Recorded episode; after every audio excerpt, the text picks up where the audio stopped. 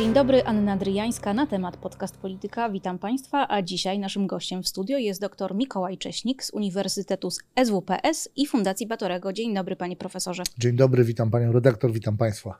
A spotykamy się dzisiaj po to, żeby porozmawiać o wyborach. Czy emeryci wybiorą młodym Sejm, panie profesorze?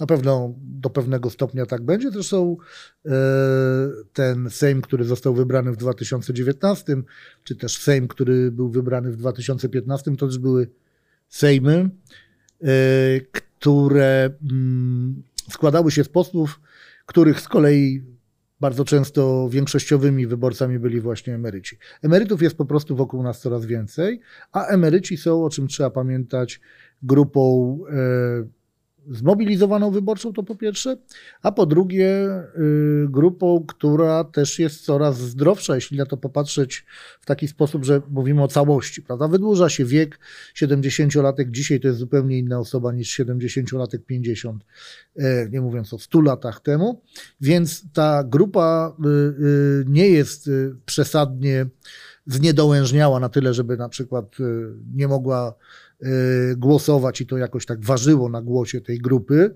E, oczywiście jest bardzo wielu wśród polskich emerytów takich, którzy nie mogą głosować, bo po prostu choroba czy niedołężność przykuwa ich do łóżka, uniemożliwia im to, e, to głosowanie, ale ich z roku na, na rok jest więcej, jednocześnie są średnio rzecz biorąc o troszeczkę przynajmniej zdrowsi, no a to powoduje, że ich siła na rynku wyborczym jest po prostu coraz większa. Natomiast osób młodych, tych, które nabywają prawa wyborcze, jak na przykład osoby urodzone w roku 2000, e, dwu, przepraszam, 2005 w tym roku nabędą prawa wyborcze, no to to są bardzo małe roczniki. Dla porównania, w 1983 roku urodziło się ponad 700 tysięcy dzieci w Polsce i te osoby dzisiaj to są 40-latkowie, e, a w roku 2003 urodziło się 350 tysięcy. Czyli ta grupa, ten rocznik, te dwa roczniki, które dzieli 20 lat, e, no dzieli jednocześnie, ten pierwszy jest dwa razy większy od tego drugiego. To są ludzie o różnych interesach, no i mówiąc obrazowo, ci pierwsi, ci starsi są w stanie tych drugich nakryć czapkami. Hmm. E, osoby urodzone jeszcze o 20 lat wcześniej, czyli osoby urodzone w 63? Albo w 53 nawet, no to to są osoby powojennego, szczególnie 53 roku, yy, pochodzące i z okolic, jeśli tak można powiedzieć, z tych okolicznych roczników, to są yy, osoby z bardzo dużych roczników powojennych, roczników tej pierwszej fali wyżu demograficznego, które akurat teraz te z 53 są już na emeryturze, te z 63 właśnie przechodzą na emeryturę. Ich też jest, szczególnie z punktu widzenia obecnych dwudziestolatków czy osiemnastolatków, ich jest dużo i oni w dalszym ciągu, szczególnie ci najmłodsi emeryci, no, mają pełne prawo do tego i możliwości, żeby korzystać ze swojego czynnego prawa wyborczego i ochoczo to robią, a w związku z tym są też y, ciekawym E, powiedziałbym, przedmiotem zainteresowania dla polityków. I politycy tymże emerytom różne rzeczy oferują, częściej chyba nawet niż osobom młodszym, bo po prostu ci emeryci jako grupa są z jednej strony bardziej uzależnieni od państwa, a z drugiej strony po prostu bardziej liczni. I w tym sensie. I z trzeciej bardziej zmotywowani. I bardziej zmotywowani także, szczególnie zmotywowani e, ze względu na to, że, że no, państwo jest dla nich tym głównym punktem odniesienia. Pamiętajmy o tym, że człowiek w momencie przejścia na emeryturę, akurat tak się w Polsce dziwnie składa, że to jest ten moment, kiedy przechodzimy z tej fazy życia, w której jesteśmy jeszcze względnie zdrowi, do tego momentu, w którym zaczyna nasze zdrowie nie domagać. To jest koło 60. U kobiet to jest trochę wyżej, u mężczyzn trochę, trochę wcześniej, więc inaczej niż w momencie przechodzenia na emeryturę, ale to, nie, to jest mniej więcej, powiedzmy, dla uproszczenia 60 rok życia.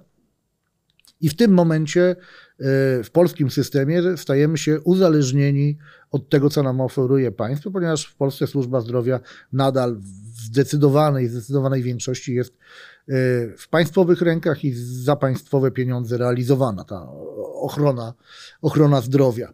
No i druga rzecz to są emerytury. Emerytury w Polsce wypłaca państwo. Nawet jeśli ktoś ma jakiś prywatny y, program emerytalny, to on też w dużej części, czy w jakiejś przynajmniej części jest kontrolowany przez państwo. Słowem, emeryt ma do państwa o wiele więcej interesów, jeśli tak można powiedzieć, niż osoba młoda, która może sobie dużo lepiej bez rozbudowanych agent państwowych poradzić. A w ogóle nie zdefiniowaliśmy ludzi młodych. Ile oni mają lat? Jaki to jest przedział? No, jeśli mówimy o ludziach starszych jako o tych, którzy przekraczają 60 rok życia, powiedzmy dla dużego uproszczenia, oczywiście tutaj wielu pani słuchaczy i pani słuchaczek się oburzy w tym momencie, że ja ich nazywam mm, na, na, na, takie właśnie sformułowanie, no ale są to na pewno osoby starsze od dwudziestolatków. Natomiast mm, to pytanie bynajmniej nie jest trywialne o to, kto jest młody, a kto nie jest już młody. Mamy pewne mówimy o markerach wchodzenia w dorosłość, pewne takie punkty, czy, czy, czy może kamienie milowe, które powodują, że zaczynamy społecznie kogoś definiować jako osobę e, dojrzałą, dorosłą, no nie młodzież już w każdym razie. Wyprowadzenie się z domu to jest jedna rzecz. Pójście do pracy to jest druga rzecz. E, nabycie mieszkania. W Polsce szczególnie nabycie mieszkania, nie. Kupno, nie wynajęcie. Nie, tak właśnie tu bardzo ważne jest to, że, że dla, dla Polaków z różnych powodów, o których nie wiem, czy tutaj jest szansa y, powiedzieć, między innymi na skutek tej rewolucji, która się dokonała w latach 90., kiedy to Polacy uwłaszczyli się na majątku państwowym, publicznym, spółdzielczym. No w każdym razie y, państwo im dużą część E, tej własności, która przedtem nie była ich, po prostu podarowało.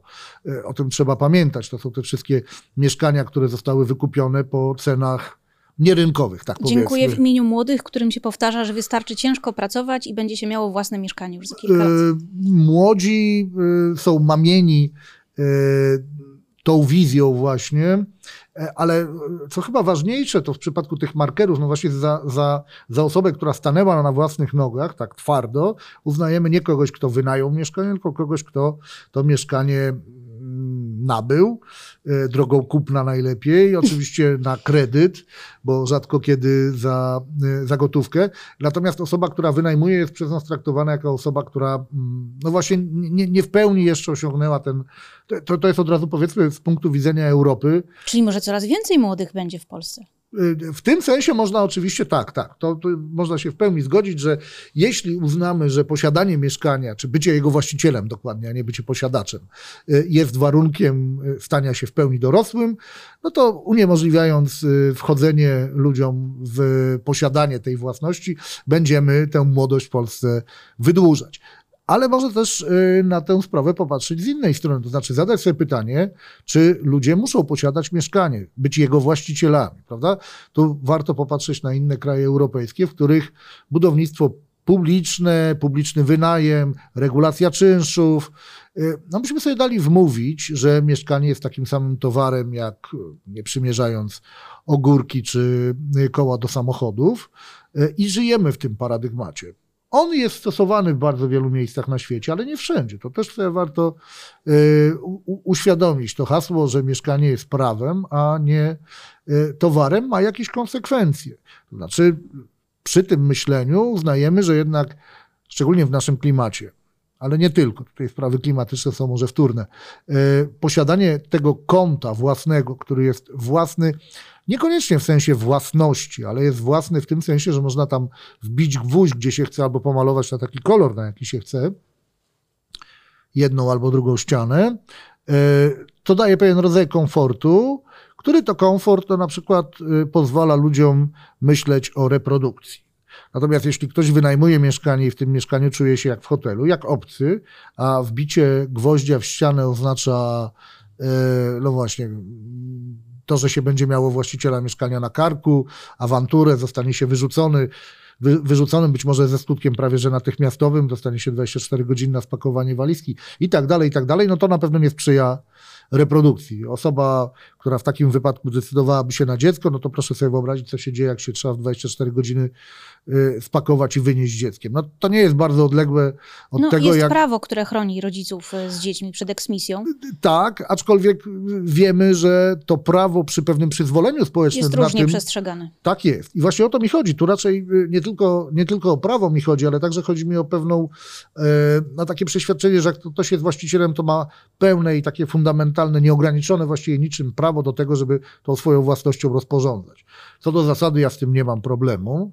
Y, y, wydaje mi się w wielu wypadkach, że własność jest prawie że święta i należy jej bardzo pilnować, ale w wypadku mieszkań, wydaje mi się, że lepiej, aby część przynajmniej mieszkań była miała charakter publiczny, żeby one były wynajmowane nie przez jakiegoś prywatnego czy prywatną właścicielkę, tylko żeby to było państwo, które tak jak w krajach Beneluxu, na przykład w krajach skandynawskich czy w Niemczech, e, jest e, czymś, co człowiek nie za dużo zarabiający i nie mający na przykład zdolności kredytowej może sobie wynająć i tam normalnie się urządzać. Wszystko pięknie, tylko rozmawiamy tuż po tym, jak rząd Zjednoczonej Prawicy zamknął swój własny program Mieszkanie Plus, nazywając go niewypałem.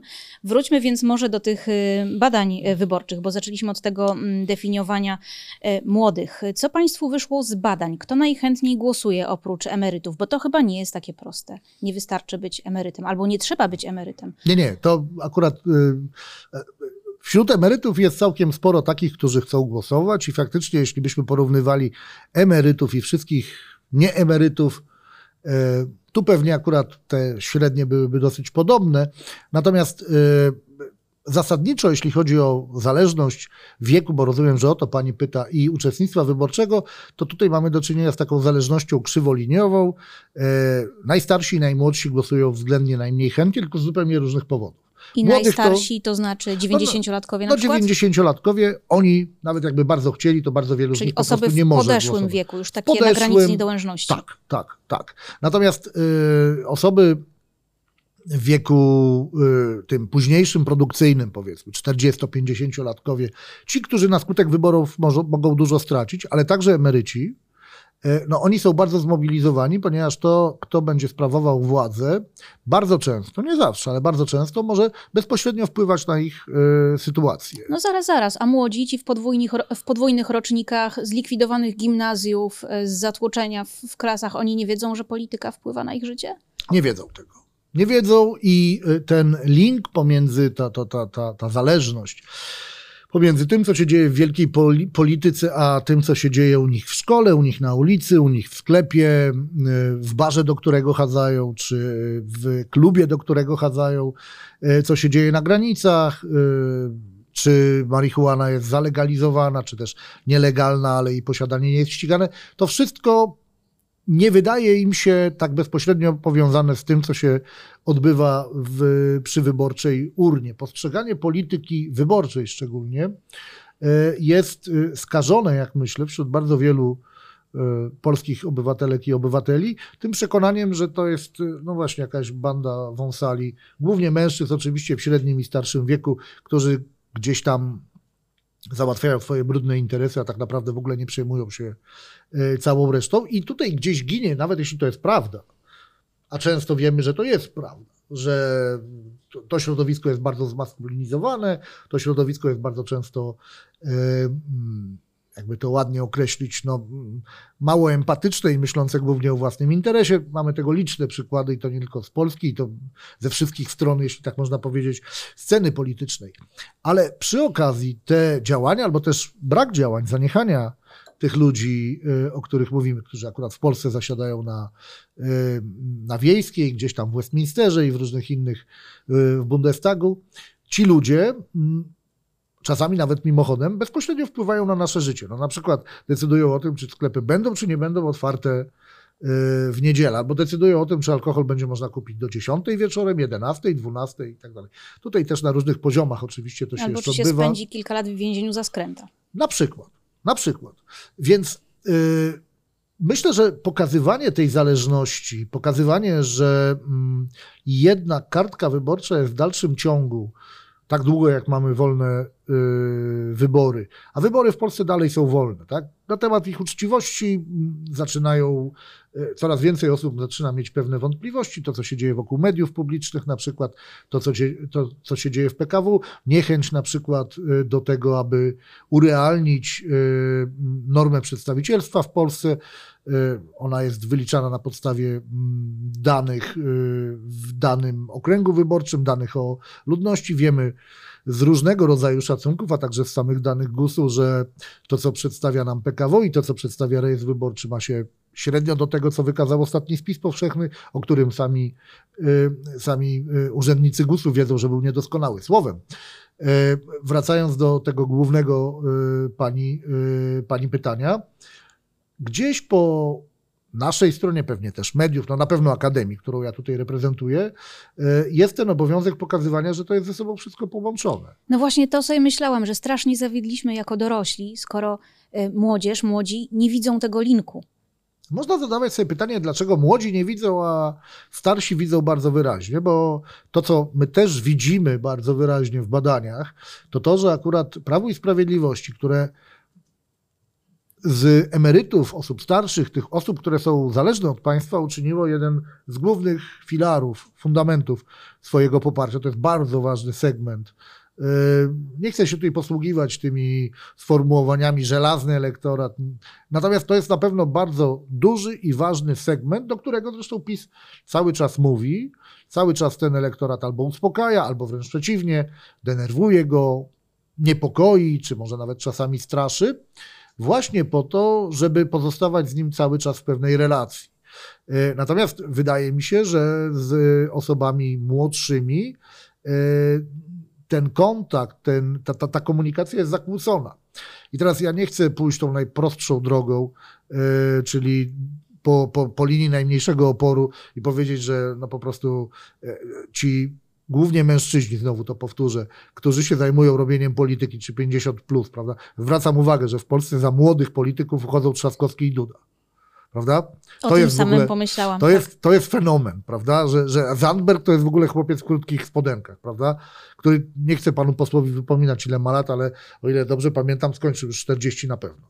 Więc jest starszy od inżyniera Karwowskiego, który, no jak ja przynajmniej byłem młodym chłopakiem, to mi się wydawał, no może nie starcem, ale człowiekiem naprawdę bardzo zaawansowanym. Dzisiaj o Trzaskowskim, który chyba już ma ponad 50 lat, ma. albo właśnie nie, chyba niedawno skończył, yy, mówimy dalej jako o młodym, dobrze zapowiadającym się polityki, polityku. Więc oni do ludzi dwudziestoletnich naprawdę nie mają prawa docierać.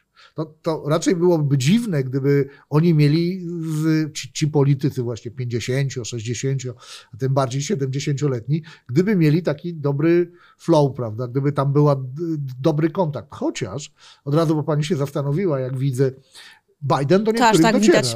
Tak, tak, tak, bo to, bo to też chyba Biden, nie wiem, czy pani Biden przyszedł do głowy. E, przyszedł mi do głowy Biden i jego spotkania dla influencerów.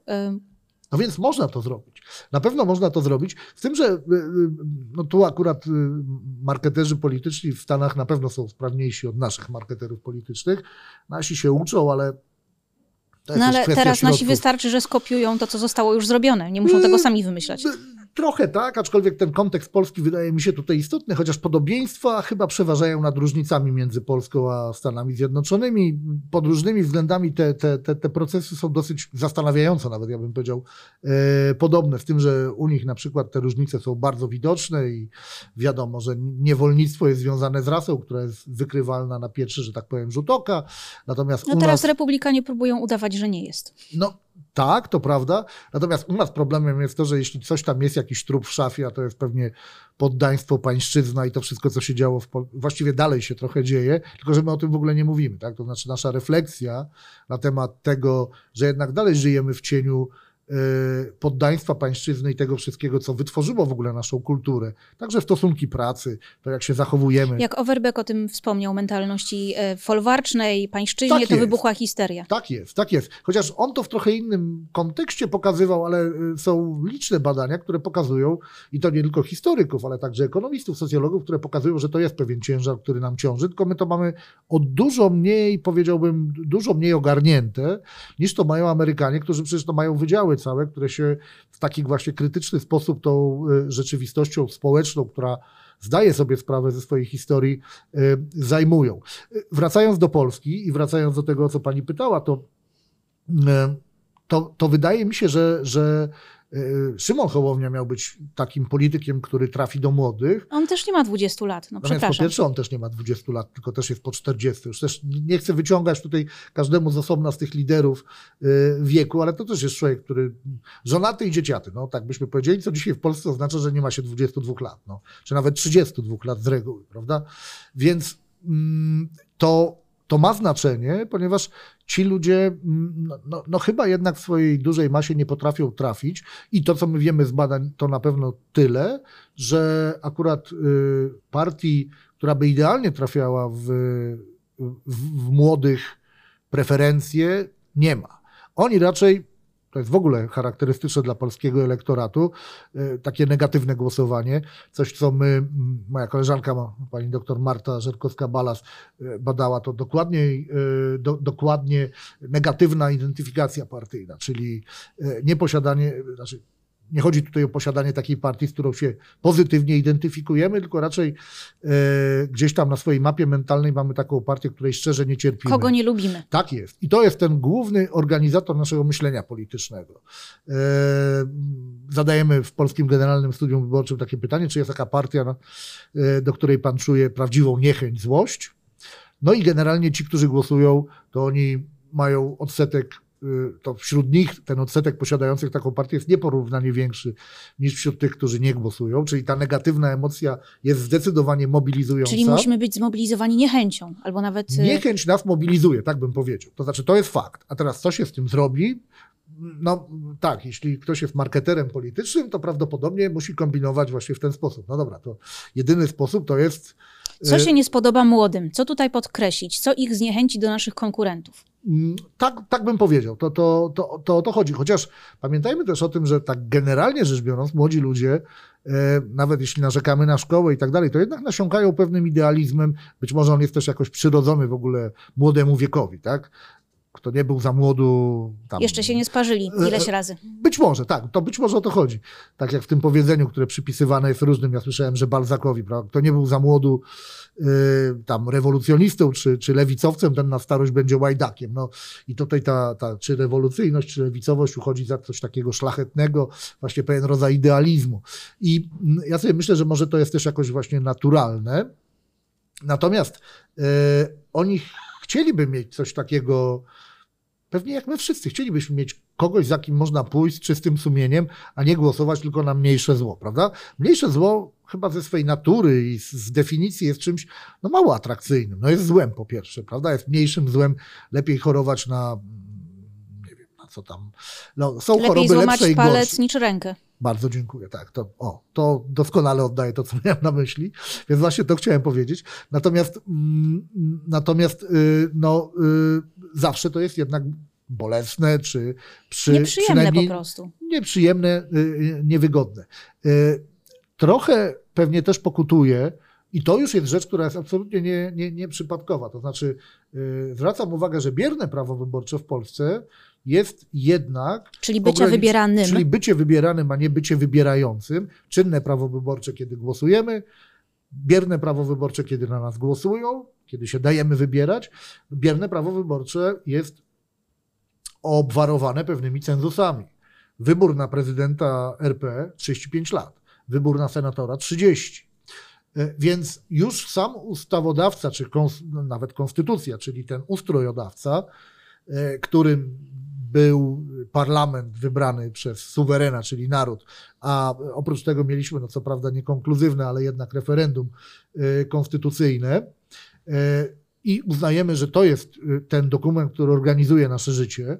No i w tym dokumencie mamy właśnie wyraźne zasygnalizowanie tego, że aby być wybieranym, no to nie można być dwudziestolatkiem. Hmm. Znaczy, dwudziestolatka to możemy sobie wybrać co najwyżej do Rady Gminy, prawda? A potem w miarę jak idziemy wyżej, Sejm, Senat, w końcu głowa państwa, no to wydaje się, że ta wiek ma, e, ma, ma, ma znaczenie. Czyli samym prawem wyborczym komunikujemy młodym ludziom, polityka jest nie dla was. Wy możecie wybrać kogoś mądrzejszego, co najwyżej, ale y, nie, nie, nie, wy nie możecie To nigdzie jest, to, startować. to jest bardzo dobre rozpoznanie i bardzo dobra intuicja, chociaż ja mam głębokie przekonanie, że nikt z twórców naszej konstytucji tak o tym nie myśli.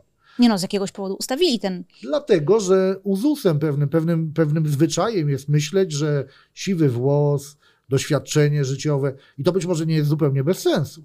Tylko jeśli mamy wyłącznie siwe głowy w parlamencie, no to wtedy mamy coś, co nazywamy gerontokracją, która nie jest idealna, ponieważ e, gerontokracja, czyli moment, w którym rządzą geronci, no, od gerontologów, którzy się zajmują badaniami nad starością, wiemy, że starość to nie tylko doświadczenie, ale także na przykład tam demencja, zapominanie, amnezja i tak dalej. No, pewne rzeczy, które są niepożyteczne, bym powiedział, z punktu widzenia e, sprawowania władzy. Które to przecież sprawowanie władzy nie jest dawaniem komuś przyjemności z tego, że może innych rozstawać, rozstawiać po kątach, tylko dobrze by było, żeby to tak po, Arysty, po arystotelesowsku było rozumiane, czyli to ma być roztropne dbanie o dobro wspólne. A dobro wspólne to nie jest dobro partykularne poszczególnych grup, emerytów na przykład. Oczywiście, że trzeba zapewnić emerytom godne życie, tylko trzeba pamiętać, jak się zapewnia emerytom godne życie, że są jeszcze inni,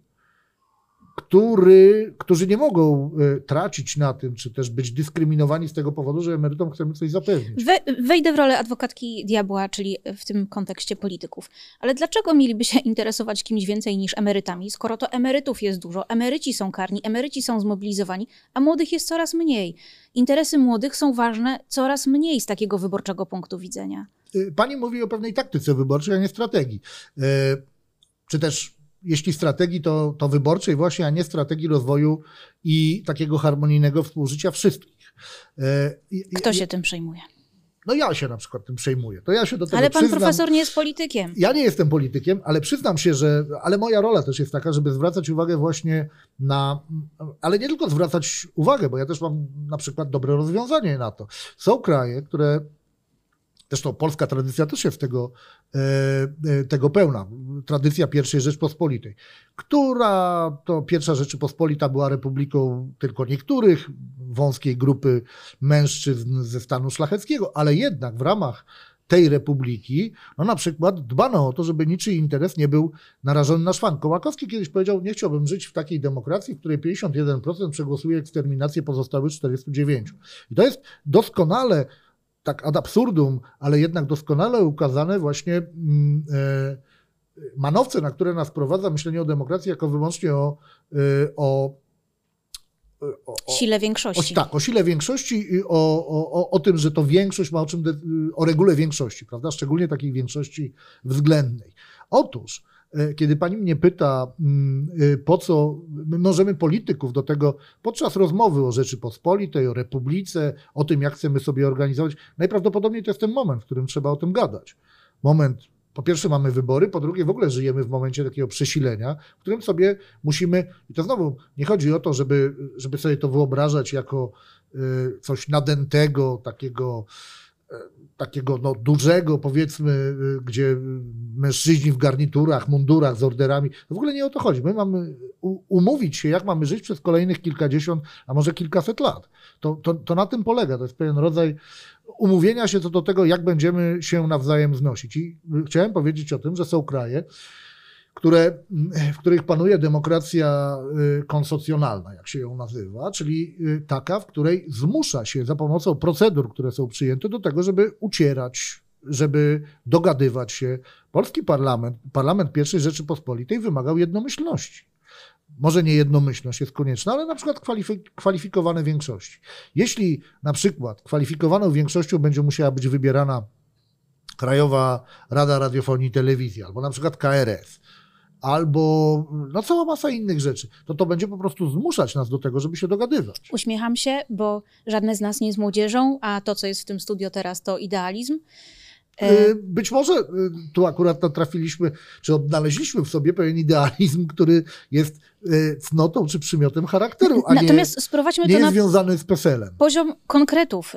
PiSowi nie opłaca się, żeby młodzi poszli do wyborów. PiSowi nie opłaca się konsensus. Tak, w obecnej sytuacji zdecydowanie tak. W obecnej sytuacji y, konstytucja napisana w 1997 roku i te zasady, które przyjęliśmy wtedy, w, tych, y, w tym otoczeniu instytucjonalnym wystarczy zdobyć 231 mandatów i już. Przy okazji jeszcze jak się powykręca parę innych y, bezpieczników demokratycznych, to wtedy można sobie pozwolić na to, co widzimy w ostatnich 8 latach. To zdecydowanie tak. To tu ma Pani dobrą intuicję i to jest bardzo dobra diagnoza sytuacji. I ja bym tylko do tego dodał, jeśli nie chcemy mieć czegoś takiego, bo to nie musi być przecież Kaczyński, prawda, czy PiS, to mo można sobie wyobrazić dowolnego innego. Za 20 lat to może być ktoś inny. To może być ktoś zupełnie inny, prawda? Dużo gorszy na przykład prawda? No, czego by nie powiedzieć o Kaczyńskim, no to Kaczyński nie jest kimś, kto się na przykład otwarcie przyznaje do Mussoliniego, faszyzmu, czy nie, Hitlera. Ludzki pan. Nie, ja nie chciałem tego powiedzieć, nie chciałem, żeby to tak zabrzmiało, ale tu powiem może trochę anegdotycznie.